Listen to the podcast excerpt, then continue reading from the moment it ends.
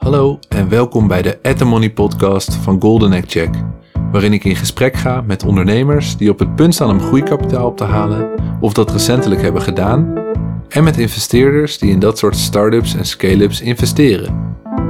Ik ben Thomas Mensink en vandaag spreek ik met Yves van Hoorne en Bas Buursma van Code Sandbox, een start-up uit Enschede. En zij willen het heel makkelijk maken voor software developers om online met elkaar samen te werken.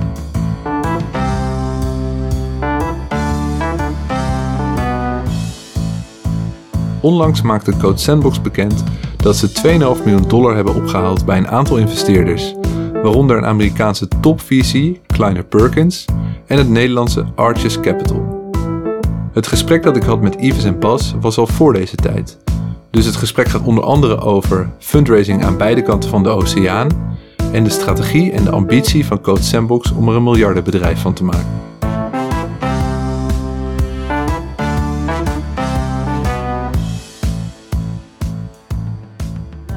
Ik ben uh, van Hoorne.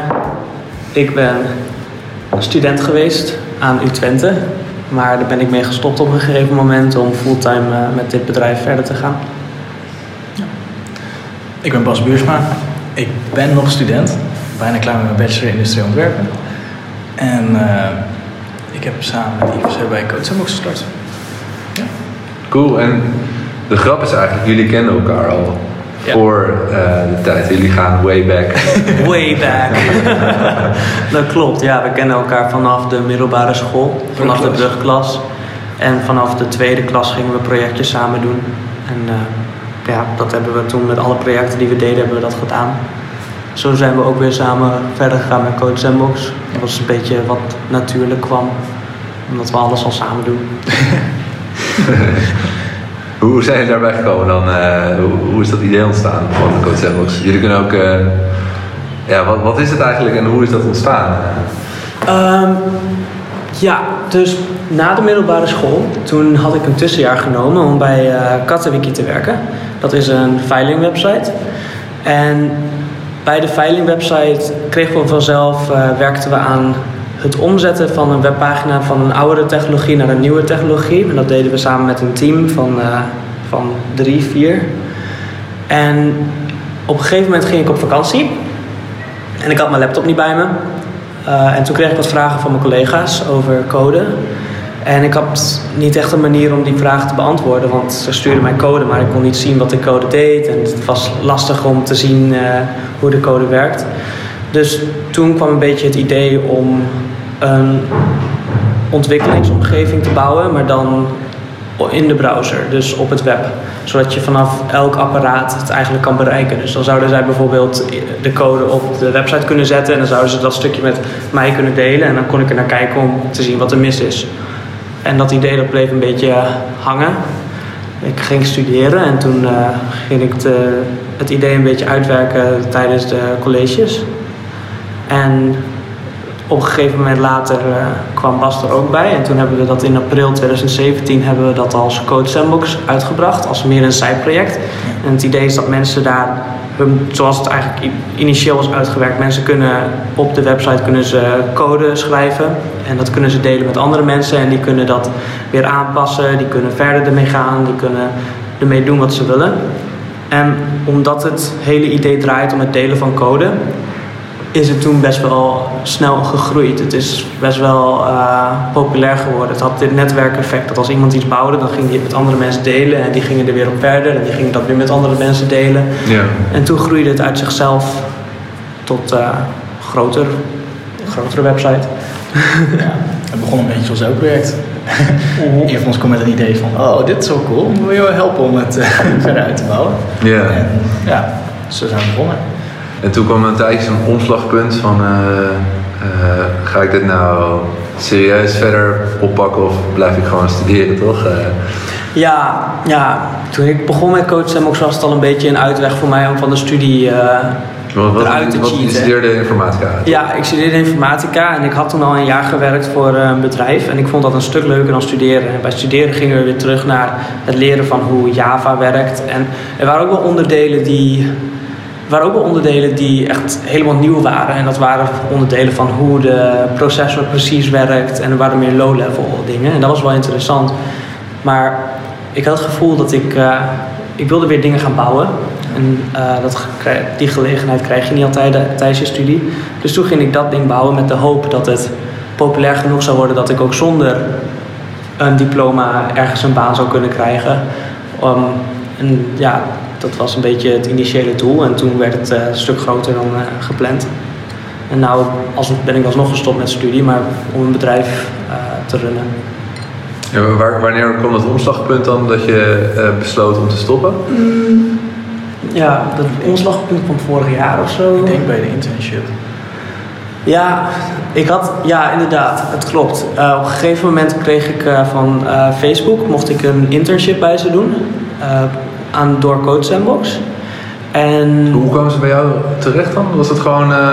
Ja, ze kenden al Code, ze hadden Code Sandbox al een aantal keer gezien en toen vroegen ze of ik interesse had om een stage bij ze te doen.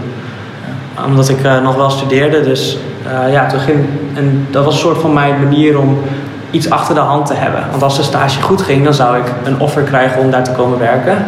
En dan had ik een backup. Als, ik, yeah. als coach niet goed ging, dan kon ik alsnog gaan werken bij Facebook. En dat geld, die werkervaring, dat, dat is ook veel waard. En dat is dan een soort van mijn uitleg van diploma. En zo is het een beetje gegaan uiteindelijk. Maar ja, het was eerst wel tricky, want als je zonder diploma, dus alleen maar met een VWO-diploma, uh, verder wilt gaan, dan heb je dan heb je misschien wel baanzekerheid op dit moment, maar misschien is over 15 jaar het landschap helemaal anders. En dan is het veel minder zeker of je een baan kan krijgen. Want een diploma geeft je, ja, dat geeft je wel stabiliteit. En de, die raak je dan kwijt. En dat moet je dan opmaken met andere, andere dingen. Je moet er wel wat harder voor werken dan. En, en jij denkt nog wel. Uh Bas, dat je het, ja, jij bent nou, op, weg om het alsnog. Uh, het is natuurlijk ook wel. Je stapt op een verschillend moment dat we coach zijn ook zin. Want ik heb geen tussenjaar gedaan. Dus ik had, uh, ik denk, halverwege uh, jouw eerste jaar zijn we echt begonnen met coach en bouwen. Of dat we actiever als een project eraan werkten. En toen had ik al, de, had, zat de helft van mijn opleiding zat er al op. qua punten. En jij studeert dus industrieontwerp? Industrieontwerp, inderdaad. Dus ik heb um, nu moet ik eigenlijk alleen nog mijn bacheloropdracht doen. En dat is uh, wat vrijer in te richten. Uh, ja, hoe ver ben je gekomen eigenlijk? Even, oh. Daar is nog wel binnengekropt? Ik had anderhalf jaar gestudeerd. Oké. Okay. Daar houden we het maar bij. je was er. Niet alle vakken gehad, wel nog veel. Hoe, hoe ging dat? want je zei, Facebook bood je een internship aan. Ja. Maar het klonk alsof je het niet hebt gedaan. Ja, ik heb het gedaan. Oh, oké. Ja, het, uh, ik kreeg een bericht via Twitter en uh, daar ging ik op in. En toen uh, heb ik dat gedaan voor drie maanden. Afgelopen zomervakantie, actually. Dat was van juni tot september, of juli tot september. En toen heb ik daar aan het JavaScript team in Londen heb ik, heb ik daar zitten werken. Dat heb ik drie maanden gedaan en toen ging ik daarna weer verder met Coach Sandbox. Ik had wel een return offer gekregen, maar ik wilde graag met Coach Sandbox verder. En toen? Toen ging ik met Coach Sandbox verder. toen was het echt heel erg hectisch voor een lange tijd. Want uh, we hadden, ja, we ging, ik ging weer echt fulltime met Coach Sandbox bezig. En we hadden heel veel releases al klaargelegd om, uh, om ermee verder te, mee te gaan werken. Om het te releasen. En toen deden we de releases. En ondertussen hadden we ook uh, waren er ook bedrijven geïnteresseerd om ons over te kopen. En dat maakte alles wel wat hectischer. Ja. En toen hebben we uiteindelijk gezegd dat we niet overgekocht willen worden en dat we zelf verder gaan. En toen kregen we een beetje het idee om funding te gaan zoeken. Omdat we, hadden die acquisition offers hadden we afgewezen. En we waren er toen zeker van dat we er zelf een bedrijf van willen oprichten. En dan kan je kiezen voor bootstrap. Of je kan kiezen voor uh, fundraising. We hadden besloten om fundraising te doen, omdat um, ons product hangt veel af van developer adoption. Dus hoe, hoe de developers denken over je product. Wij, wij, hebben, wij hechten heel veel waarde aan de community. En uh, zodra we de community hebben, dan kunnen we makkelijker product verkopen. Dus wij hebben als eerste focus om onze community te groeien. En dat betekent dat we dus niet een bijzonder grote inkomstenbron aan het begin zullen hebben. En daarom hadden we funding nodig om uh, dat groot te zetten. En dan kunnen we daarna zodra we de community groot genoeg hebben, kunnen we over op een uh, businessmodel Ja. voor bedrijven. Ja, dat is. Dat in Nederland zie je dat niet super vaak. Ook dat het, dat het lukt om dan funding op te halen, toch? Dus de meeste investeerders zijn toch best wel. eh, ja, een soort van risico-averse. Ja, dat is wel het grote verschil tussen Amerika en eh, Europa inderdaad. Ja. Ja, want hoe pakken jullie dat fundraising dan aan? Dan, eh, lukt het? Vin- Vinden Nederlandse investeerders het überhaupt interessant wat jullie hebben? Of, of hebben ze zoiets van, ja, kom maar terug als je gewoon wel eh 50k omzet hebt of zo? Volgens mij hebben we, met, we hebben niet met een Nederlandse venture capitalist gepraat, toch? Niet echt. Nee. Nee. Nee, volgens mij gewoon nog We niet. zijn wel benaderd door eentje. Door een Nederlandse venture capitalist? Volgens mij wel.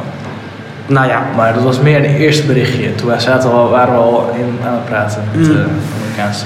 Ja, we hebben, niet, we hebben wel met Europese venture capitalists gepraat en, die, eh, en ook met eh, Nederlandse angels. En die gaan meteen focussen op eh, wat wordt het Businessmodel. en hoe gaan jullie geld verdienen. En dat is een hele goede vraag om te hebben, want uiteindelijk ga je daarin investeren. Want als je, je kan niet oneindig lang de hele tijd op funding blijven leven. En dat is een hele logische vraag. Alleen het probleem van ons is dat we nog geen bewezen businessmodel hebben. We hebben wel ideeën van businessmodellen en die leggen we dan ook voor.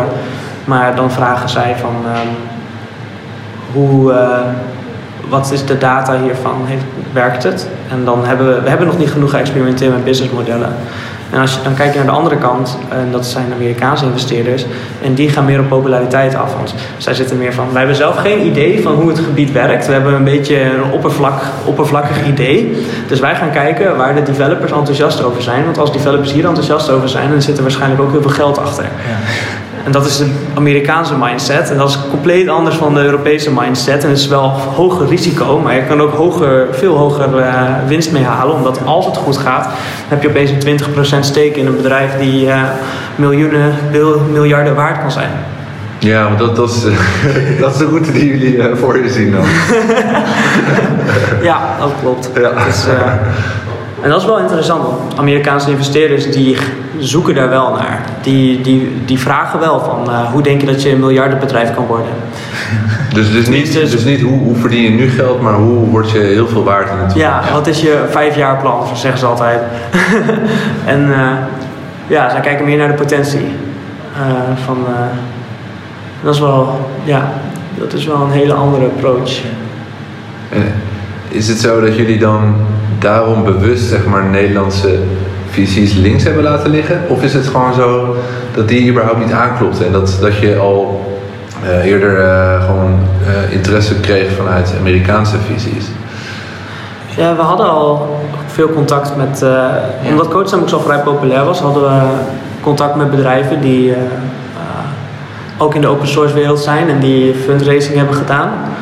En zij konden ons intro's geven en dat waren toevallig heel veel Amerikaanse investeerders. We hebben ook met eh, Axel van in Europa hebben we ook gepraat. Ehm, maar eh, dat is hoe we met de Amerikaanse investeerders in aanraking kwamen. En daar was heel veel, da- daar waren mensen echt heel enthousiast. We hebben ook met eh, Battery Ventures gepraat. Met Battery Ventures wat volgens mij 100.000 omzet Dat was de allereerste, toch? Dat was de allereerste. Die, die, maar dat is al een poosje terug. Die toen was van, ja, we vinden het product wel leuk. Ehm, waarom bel je ons niet terug als jullie eh, een ton in omzet hebben?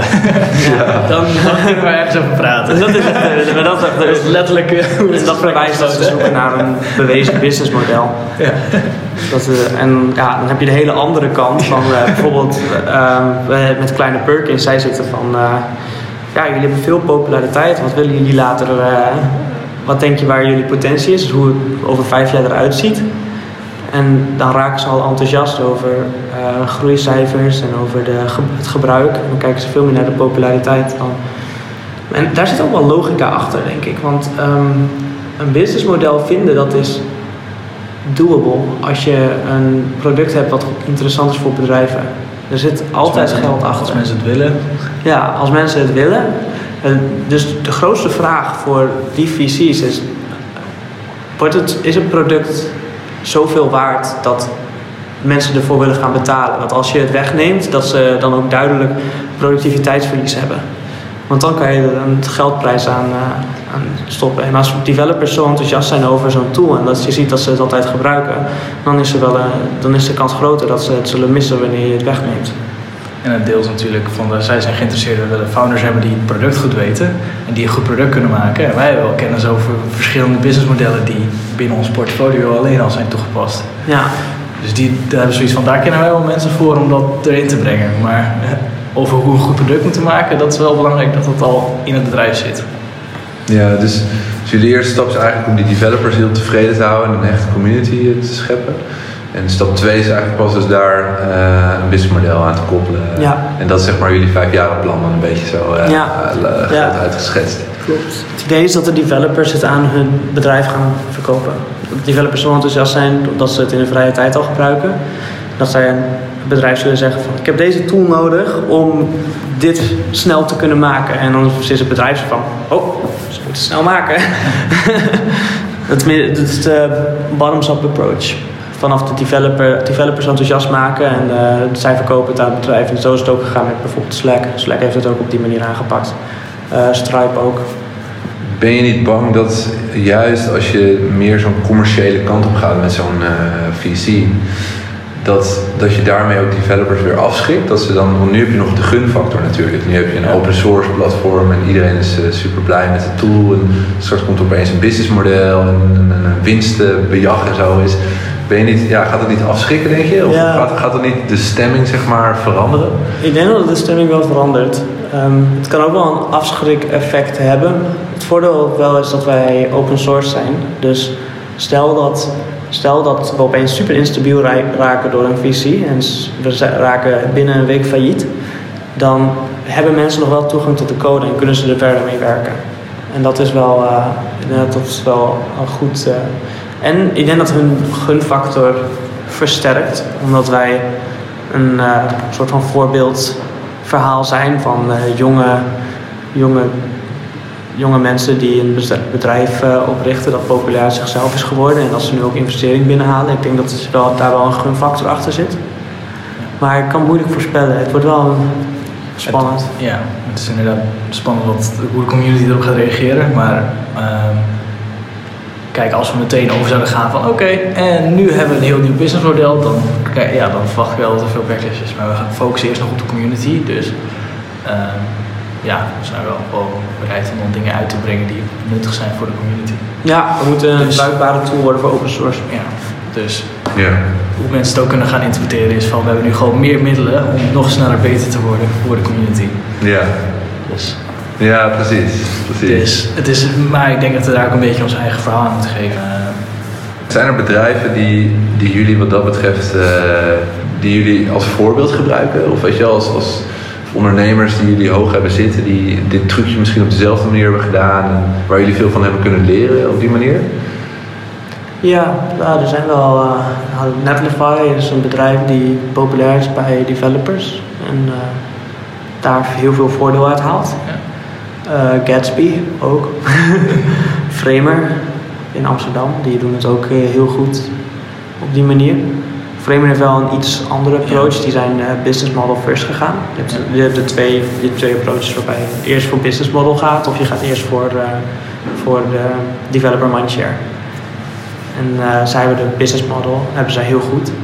Ze hebben de developer mindshare, beginnen ze ook te krijgen. Of ook zowel op de designers. Ja. Dus eh Framer zit in een goede positie. Ja.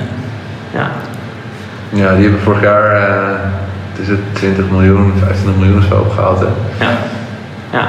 Die goed. Dus die, hebben- ja, ik weet niet, die, zijn, die hebben waarschijnlijk een valuation van meer dan 100 miljoen. Dus eh, Ik denk het wel. het gaat ook heel goed met ze. Ze zijn eh, erg in groei. Hoe kan het dat het, want dat is een, ook een, een Amsterdamse bedrijf, eh, zit er meer van dit soort tools voor developers? Is Nederland daar goed in of zo? Eh, zit, Ja, zit hier een, goede community die elkaar ook support en zo? Of Ik weet niet waar dat misschien? Ja, maar Of is het gewoon toeval? En, en, Ja, ja, dat is een goede vraag. Ik weet niet waar dat vandaan komt, maar je hebt ook GitLab van Nederland Ja, en eh, Elastic. ja. Elastic heeft het ook enorm goed gedaan. Ik weet niet waar dat vandaan komt. En, eh, ja, het- Ja. Ik weet niet, Framer is natuurlijk wel eentje die ook gevestigd zit in Amsterdam. En alleen na, eh, Amsterdam toetrekt. Maar GitLab is volledig remote, dat is weer Ja. wat anders. Klopt. Dat is gewoon toevallig dat de founder een Nederlander is. Ik denk dat het toevallig is. Ja, klopt. Dat Ja. is weer wat anders. En eh, ik denk wel dat om mensen.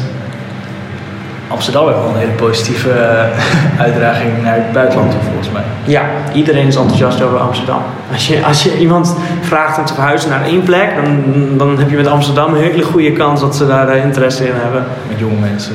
Ja, Ja.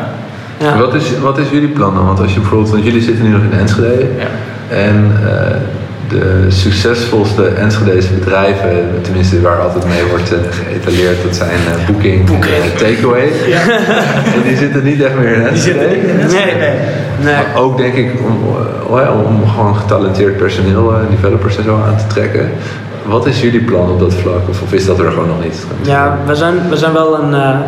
we willen een fully remote team doen. ja. Dus eh, het is eigenlijk ons open source Meer model. het GitLab model dus. eh. Ja, het GitLab model. ja. Voor, dus we zijn helemaal remote. Alleen we zitten wel te denken om naar Amsterdam te gaan. Omdat ehm, veel van onze angels, adviseurs, die zitten in Amsterdam. En bijvoorbeeld zijn we vandaag en gisteren naar Amsterdam gegaan. Maar dan verlies je echt heel veel reistijd. Ja. En als je bijvoorbeeld in Utrecht of Amsterdam zit, dan eh, dichterbij? is het veel makkelijker om... eh, bijvoorbeeld als je even advies wil vragen van iemand die in Amsterdam zit... dan kan je gewoon even koffie samen drinken of samen lunchen. En dan heb je al heel wat informatie. Maar als je dan in Enschede zit en je wil gaan lunchen in Amsterdam... dan ben je 2,5 uur onderweg, heb je lunch, 2,5 uur terug... en dan is je dag alweer bijna om. Ja. Dan zit je vijf minuten in de trein. eh. Ja, En je kan heel veel doen gewoon met eh, een online videocall en zo. Maar voor sommige dingen is het gewoon fijn als dan gaat het gewoon efficiënter als je toch eh, tegenover elkaar zit. Maar toch wil je remote team. Ja, toch wil je Is- is- remote. Is, dat, eh, wat, hebben jullie daar ervaring mee al? eh, is dat een werkbaar model voor jullie? Is het tot nu toe werkt maar het. niet te zien en toch maar te vertrouwen dat ze de goede dingen doen? En Ja, precies. Het is natuurlijk, ehm, open source is natuurlijk altijd al remote geweest. Als mensen contributen aan een project. Dat maakt niet uit waar, over de, waar in de wereld ze zitten. Dus het grote voordeel van remote is dat je talent pool is. Gewoon, kan iedereen aannemen eigenlijk. Ehm, maar eh, ja, dan moet je er ook gewoon vanuit gaan dat iedereen enthousiast is en naar een coach moet wil werken. En eh, dat moet genoeg motivatie zijn in het begin. Dus daar gaan we dan ook gewoon vanuit. Ja, tot nu tot nu toe toe werkt het. Op kleine schaal werkt het in ieder geval. Nu zien of het op middelgroot en grote schaal werkt. Ja. Maar GitLab heeft bewezen dat het lukt. En het valt me op dat jullie, want jullie zijn eh, nou, een jong team, eh, maar jullie hebben op een of andere manier hebben jullie eh, adviseurs aan alle kanten, maar ook best wel eh, echt ervaren mensen en, en high profile Handig, mensen. hè? ja, dat is mooi. Wat voor adviseurs hebben jullie, zeg maar, die, die, die, die, dat ook, eh, die daar ook bekend om staan, zeg maar, en, en hoe komen jullie bij ze terecht dan? eh? Oh, ehm, Want het is ja, een aardig staaltje name dropping al wat ik voorbij heb horen komen. Het gaat de wiki natuurlijk en uh, Framer en Facebook. eh.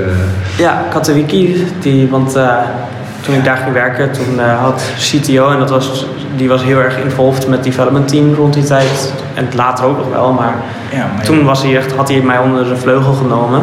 Dus ik had heel veel contact met Marco, van, co-founder van Katowiki. En ik heb gewoon altijd progressie aan hem laten zien van wat we, waar we mee bezig waren.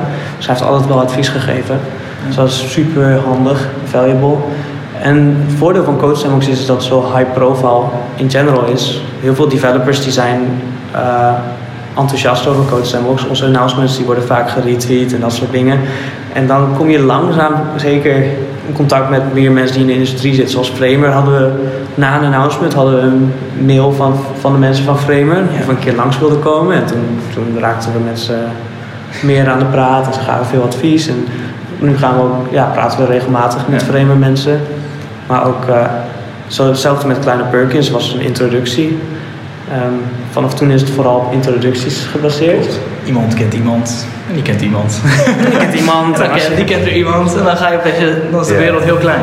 Ja, is de wereld ergens een beginnetje hebben Als je en dan ergens een eh, beginnetje hebt, gaat ja. het balletje rollen. Ja, dat was super grappig, want vandaag hadden we uh, een gesprek met een angel. En die angel die komt uit Singapore, maar hij woont in Londen en San Francisco en in Singapore. Dus hij is all over the world. en toen kwam hij bij ons langs, uh, terwijl we in de Framer kantoor zaten om te lunchen. En toen kende hij daar gewoon een developer. Die had hij een keer eerder gezien, omdat die developer ooit een start-up had. En toen bij Jeremy thuis was in San Francisco. Dat is Op een diner. op een diner. Ik bedoel, andere kant van de wereld. Ja, terwijl het zijn eerste keer was in Amsterdam. En Het zijn de eerste keer, ja, ja, was het de eerste keer in Amsterdam, dus het was, het was zo'n zo kleine wereld als je er kijkt naar de kringen die er zitten. Ja, dat is wel grappig.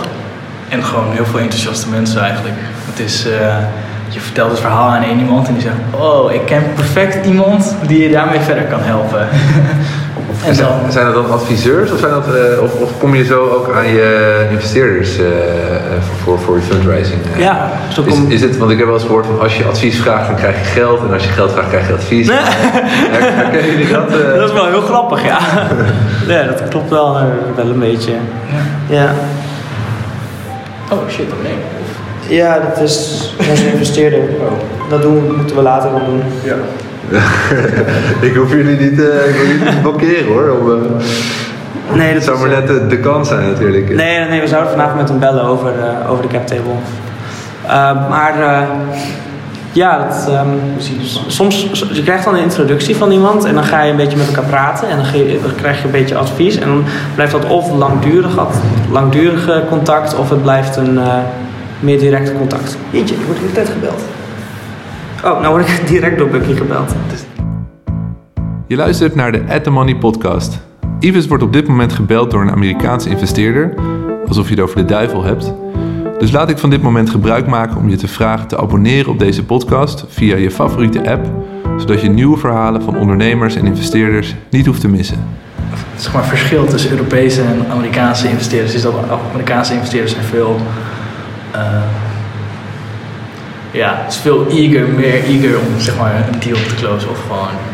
Het, het is een intenser eh, ervaring op een of andere manier. Ik weet niet. Maar eh, hoe, bedoel je dat ze echt, eh, dat ze je stolken bijna, zeg maar? Of zo, dat ze zo graag zo eager zijn? Ja, ja ik, ik denk dat het. ehm, ja, ik weet niet. Ik denk dat in Europa gewoon een wat sfeer is. Dat van, oh ja, als ze, als ze het weten, dan komen ze weer bij ons terug. Eh, zeg maar, dan reageren ze. En dan weer ze van, oh shit, we hebben al eh, acht uur niks van ze gehoord. Eh, misschien een berichtje erachteraan gooien. Ja. ja. Eh, Soms eh, ja, staan om, staan om zes uur op, half zeven. En dan gaan ze weer, dan gaan ze weer helemaal enthousiast bezig. Echte go-getters. ja. De Amerikaanse investeerders zijn natuurlijk ook berucht om eh, dat ze zeker, zeker in, in de vroege fase gewoon wat bets plaatsen, hè, hier en daar. Dat het bijna een soort casino is van eh, gewoon kleine bedragen, een beetje strooien. En ja, soms komt er iets moois uit en dan kunnen we daarop eh, verder investeren. Precies, ja. En anders dan geven we er, er niet zoveel moeite meer, eh, meer in. Ja. Is dat niet iets waar je, waar je bang voor bent, zeg maar? Dat, dat, dat als je met een Amerikaanse club in zee zou gaan, dat, eh, dat je gewoon een van de velen wordt? Dat ze Nou, nu misschien heel, heel erg eager zijn, zoals je zegt, maar dat eh, op het moment dat ze de deal binnen hebben, dat het dan weer gewoon. eh, Ja, en je, je kunt niet die progress laten zien, dat ze dan weer Klopt. ja, de telefoon niet meer opnemen. Ja, ik denk dat het daarvoor heel belangrijk is dat je de juiste persoon bij de eh, investering, investeerder krijgt. En ja, daar moet je eigenlijk gewoon een beetje een klik mee hebben. En het is natuurlijk moeilijk om zoiets van tevoren te gaan verwachten. En, eh, maar je spreekt wel bepaalde intenties uit als je eh, een investering doet. Ja. Sommigen leggen het zelfs al vast wat ook kan. Van oh, ik wil eh, minimaal per week een uurtje bellen of zo. Ja. Dat kan. Ehm, Ja, we hebben met, wij, hebben, wij hebben iemand, een partner bij, bij KP van die, die heeft veel gevoucht voor ons.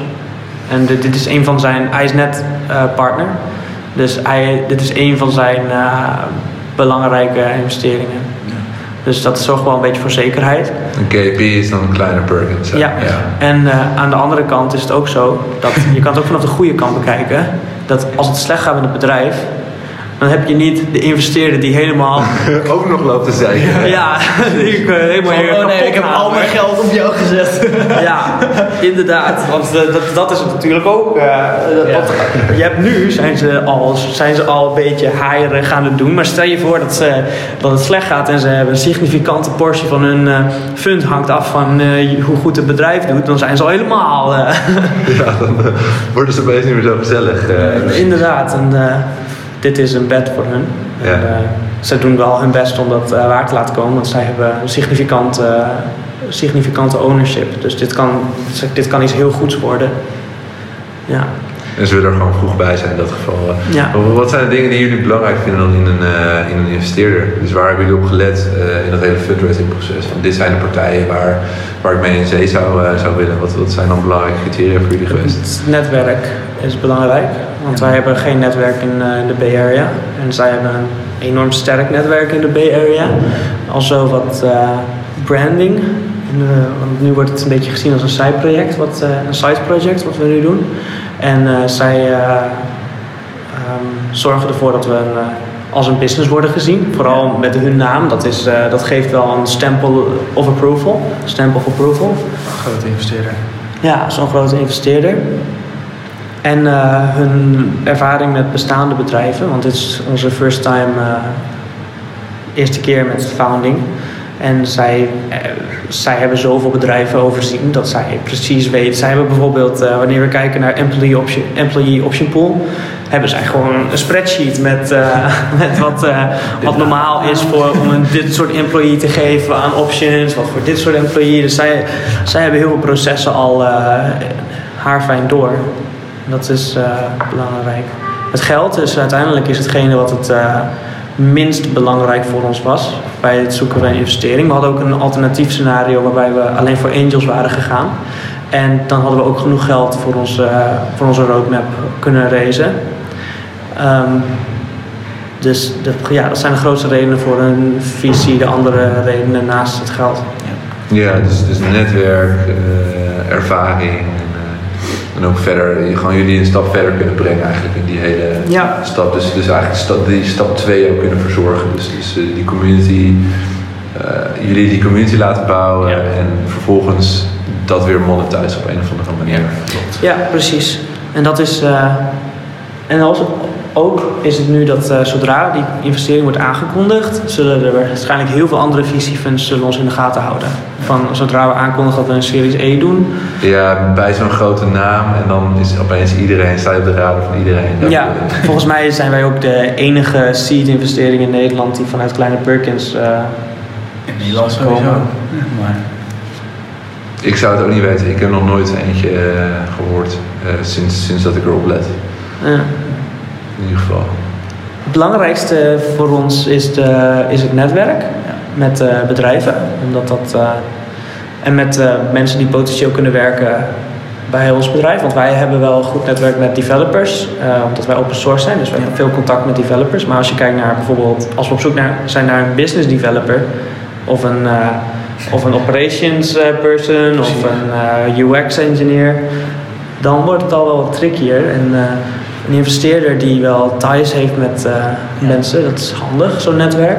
En gewoon weet hoe moet je iemand aannemen. Wat is handig daarin. Dat zijn de beste stappen. Ja. Uh, en? En? ja, en een investeerder die... Um, ook belangrijk voor ons is een investeerder die... Omdat we first-time founders zijn, is het uh, een investeerder die veel bedrijven al heeft overzien. En uh, wanneer je simpele vragen hebt die vrij standaard zijn, zoals uh, wat doen we met de employee option pool, hoeveel options geven we aan onze first employees, en uh, dan, dan, hebben we, dan is het goed om een advies te hebben van een investeerder, dat zij, omdat zij het al bij zoveel bedrijven hebben gedaan. Dus in plaats van dat je dat allemaal weer opnieuw moet uitzoeken. Ja, en hebben gezien wat werkt en wat niet werkt. Ja.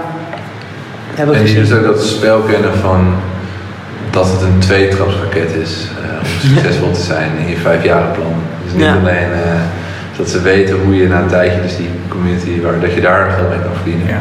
En dat, je, dat het noodzakelijk is om zo'n community eerst te bouwen en dat ze, op zo'n manier dat ze van je houden. Ja, dat is wel grappig, want we hebben wel wat angels in Nederland. En die vragen dan ons, uh, die vragen ons dan van, ja, wat is het businessmodel? En die blijven daarop hameren compleet, we hadden een keer een gesprek van twee uur, waar we echt twee uur bezig waren om uh, met hun businessmodellen te bespreken. Ja. dat, was, ja, dat, was, uh, dat was intens.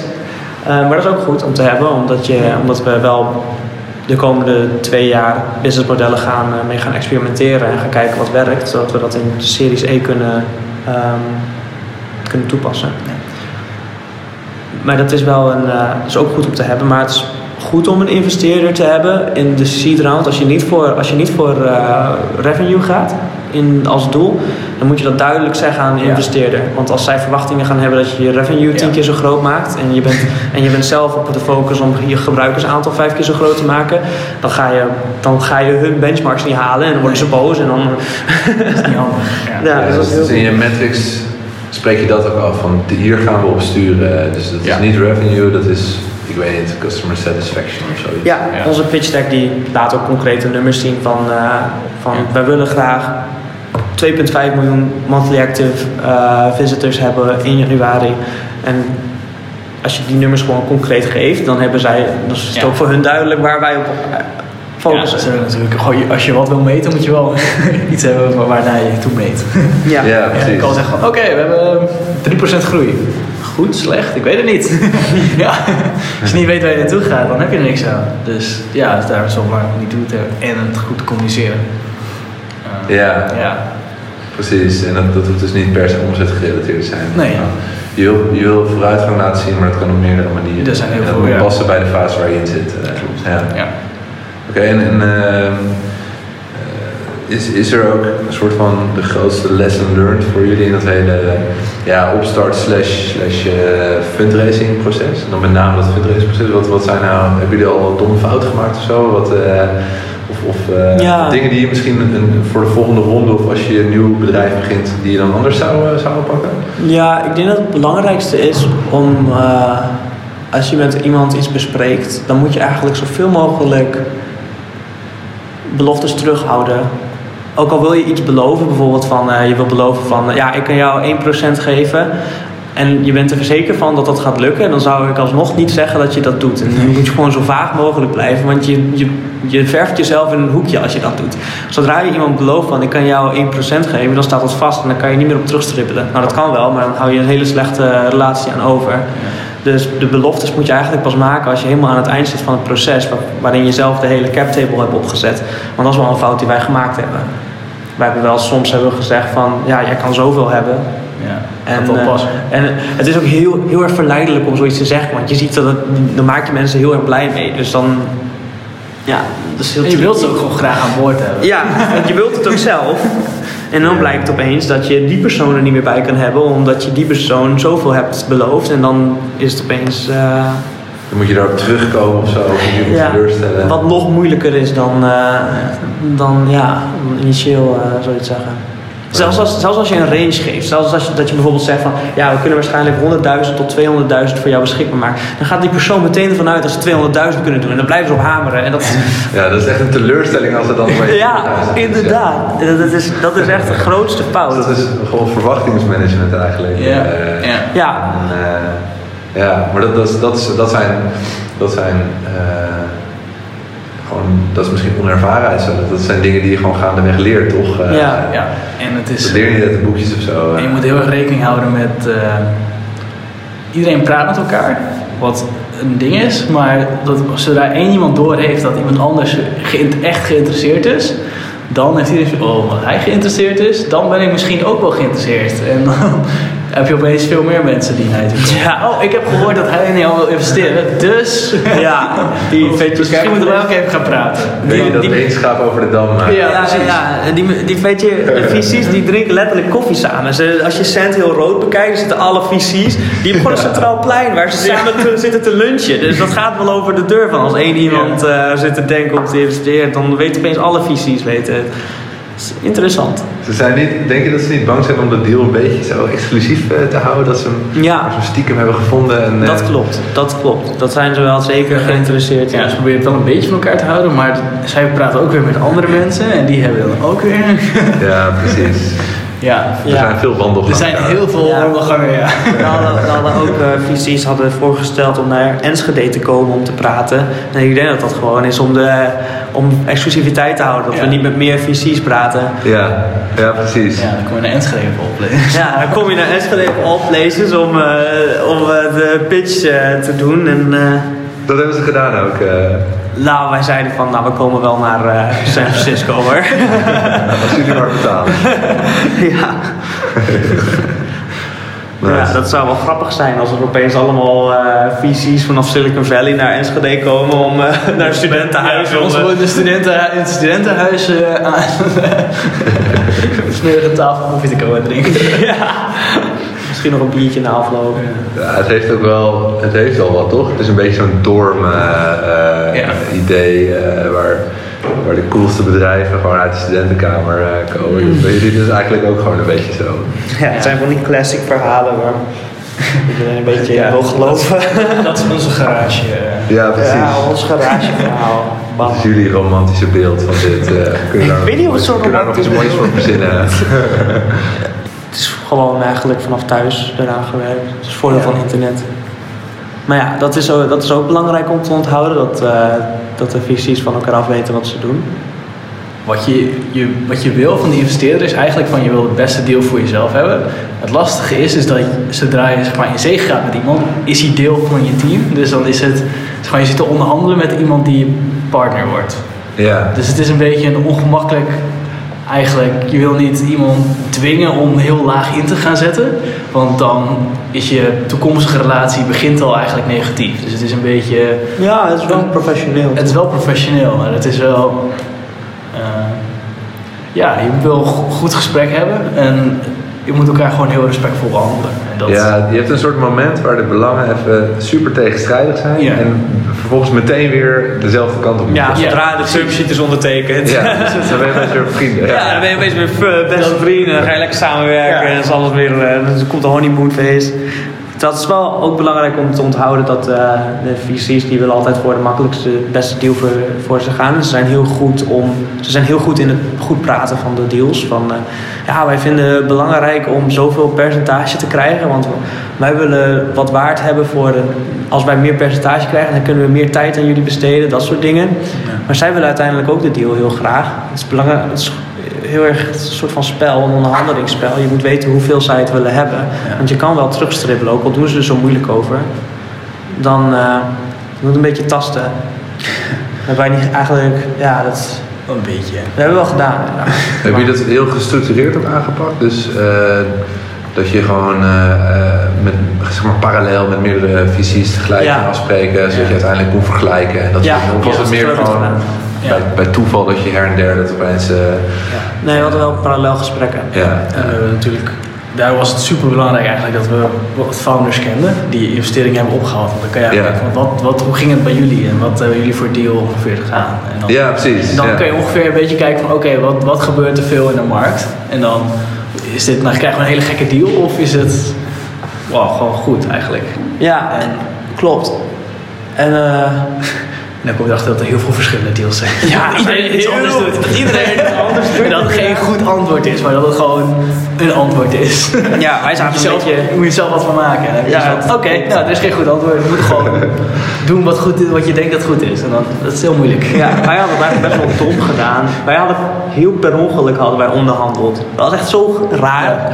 Wij, hadden- wij zaten dus eh, in de laatste fase een beetje met, eh, met een visie. En toen hadden we nog één gesprek, omdat dat, dat stond nog open. Dat Ja. hadden we gewoon nog een keer ingepland met een andere visie.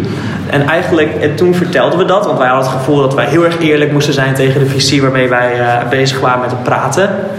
En eh, dat vertelden wij dus toen. En zij waren natuurlijk hartstikke gefrustreerd. Want zij zitten van, oh nee, onze deal gaat misschien toch niet door. Hij Toen ging, ja, hij loopt de deur uit. en toen hadden ze opeens de investering 33% of zo omhoog gedaan. 25%, 25% omhoog gedaan. Voor hetzelfde aandelenpercentage. Ja, zelf, dus gewoon ging de pre en de post samen omhoog. Dus jullie hebben per ongeluk En het was per eh, ongeluk. Het, eh, Dat is de hard-to-get methode. Ja, door niet te snel te gaan. Wij wilden zelfs initieel niet zeggen dat we met de andere visie aan het praten waren. Want we- wij wilden toch niet voor die visie, andere visie gaan. Dat gesprek hadden we gewoon nog open. En we, maar we vonden het wel eerlijk, omdat we toch een relatie met die... Maar ja, zij waren natuurlijk hartstikke gefrustreerd. En eh, we begonnen toen met een groot, hogere deal. En zeiden van, oh, dat is ook goed. En, eh, maar ik ben ja, dat was, dat was een beetje dom. Maar ja, het, uiteindelijk is het goed uitgepakt. En we doen er een beetje langer over dan eh, gemiddeld. Ja. Want wij moeten een Amerikaanse eh, ink opzetten om de investering op te ontvangen. Dus dat duurt al langer. We waren sowieso wel een beetje laat, met, lang met de keuze. En dan praten we met andere angels en die zeggen dat wij een hele goede onderhandelingsmethode hebben toegepast om het lekker lang te laten wachten en zo. Het is gewoon allemaal puur omdat we, omdat we niet sneller eh, kunnen met investeren. Jullie zijn van per ongeluk hele goede onderhandelaars. Ja, ja, dat was, dat was, eh, ja, dat was allemaal per ongeluk. Het is gewoon, ja, je wilt het gewoon goed doen en je wil niet iets verkeerds doen eh, om puur omdat je snel wil gaan. En het is dubbel, want uh, fundraisen kost veel tijd en energie. Uh, tijd die je niet besteedt aan of je product beter maken of communiceren met je community, wat heel belangrijk is. dus eigenlijk wil je het zo kort mogelijk houden, maar niet te kort. Dat heeft dus ook. Uh, heb je ook weer geen goed, uh, geen goed antwoord. dus. Hoe lang heb je erover gedaan? Uh, um, ik weet niet of dat echt een heel duidelijk proces was hoor, of dat duidelijk begint. Zeg ja, het is niet echt een heel duidelijk. We hebben wel een, eigenlijk een start gegeven toen we naar Silicon Valley gingen, denk ik. Ja, de echte start. We hadden al gesprekken in december en wat, wat initiële gesprekken om wat meetings in te plannen voor wanneer we naar Silicon Valley zouden gaan. Toen gingen we 14 januari naar Silicon Valley. En ja, dat, ja, we zijn nu heel ver, dus ik zou dat het proces ongeveer een maand of. Als je vanaf december kijkt, een maand of twee. Ja. Als je vanaf naar Silicon Valley gaat en kijkt, een maand. En dat is al lang voor visies blijkbaar.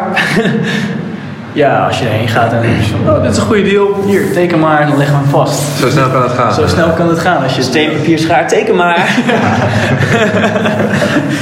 Precies. Oké, okay, maar dat is, want dat is eigenlijk dus net na die Investor Readiness Bootcamp uh, waar jullie aan mee hadden gedaan. Uh, ja. Toen dachten jullie, ja, nu zijn we klaar. nu, uh, nu zijn we zo goed voorbereid. Ja, het kwam een beetje, het kwam een beetje goed samen, want ik moest een presentatie geven in, in San Jose. En de mensen waarvoor we de presentatie gaven, die hebben dat toen die hebben mijn vlucht betaald om erheen te gaan.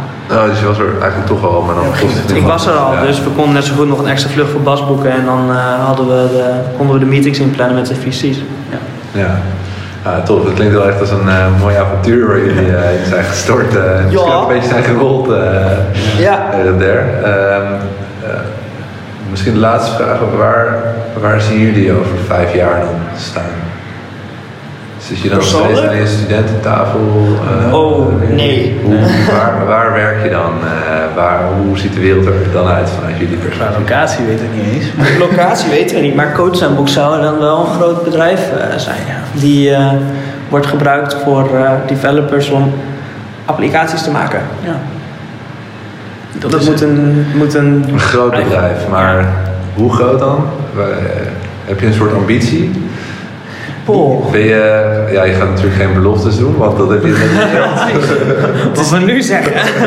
Het is niet uh, van, oh, we willen weet ik veel, 500 man in dienst hebben of we willen zoveel omzet maken, denk ik niet. Maar ik denk wel dat we willen is van, als je gaat developen, dat je zonder dat je het door hebt, eigenlijk wel minimaal één keer op coachsandbox terechtkomt. Of omdat iemand je iets stuurt of een voorbeeld ziet, of omdat je snel wil beginnen.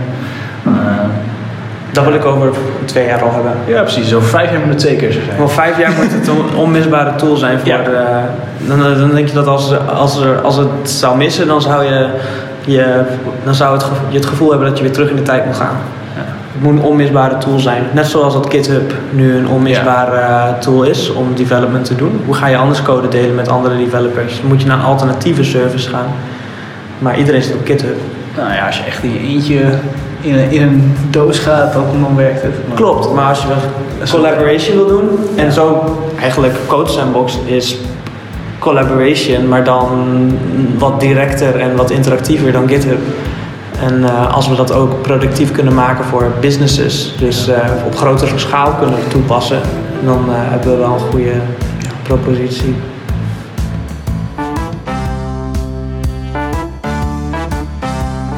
Je hebt geluisterd naar de At The Money podcast van Golden Egg Check.